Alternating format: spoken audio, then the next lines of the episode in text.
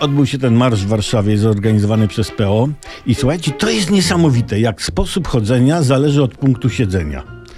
Bo w jednej telewizji ze 100 tysięcy zrobili pół miliona, inni w innej telewizji z pół miliona zrobili 100 tysięcy. Taki pluralizm. W TVN-ie pokazywano hasła marszu typu Szczęśliwej Polski już czas, PiS nie może przecież wiecznie trwać. W telewizji publicznej pokazywali takie paski. Opozycja zjednoczona w obronie Rosji, marsz nienawiści, agresja i pogarda celebrytów opozycji, pogarda, agresja i nienawiść opozycji dzieli Polaków.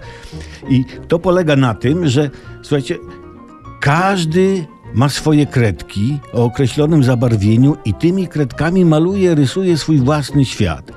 I odezwały się głosy, że dlaczego publiczna nie pokazuje marszu? Przecież to jest telewizja za nasze pieniądze. Tłumaczyłem już niedawno, że nie ma naszych pieniędzy. Jak mężczyzna ukradnie kobiecie magnetofon, to to już jest jego magnetofon. Okej? Spójrzmy pozytywnie. Spójrzmy pozytywnie na całość to. Każdy znajdzie coś dla siebie w telewizjach informacyjnych. Chcesz marszu?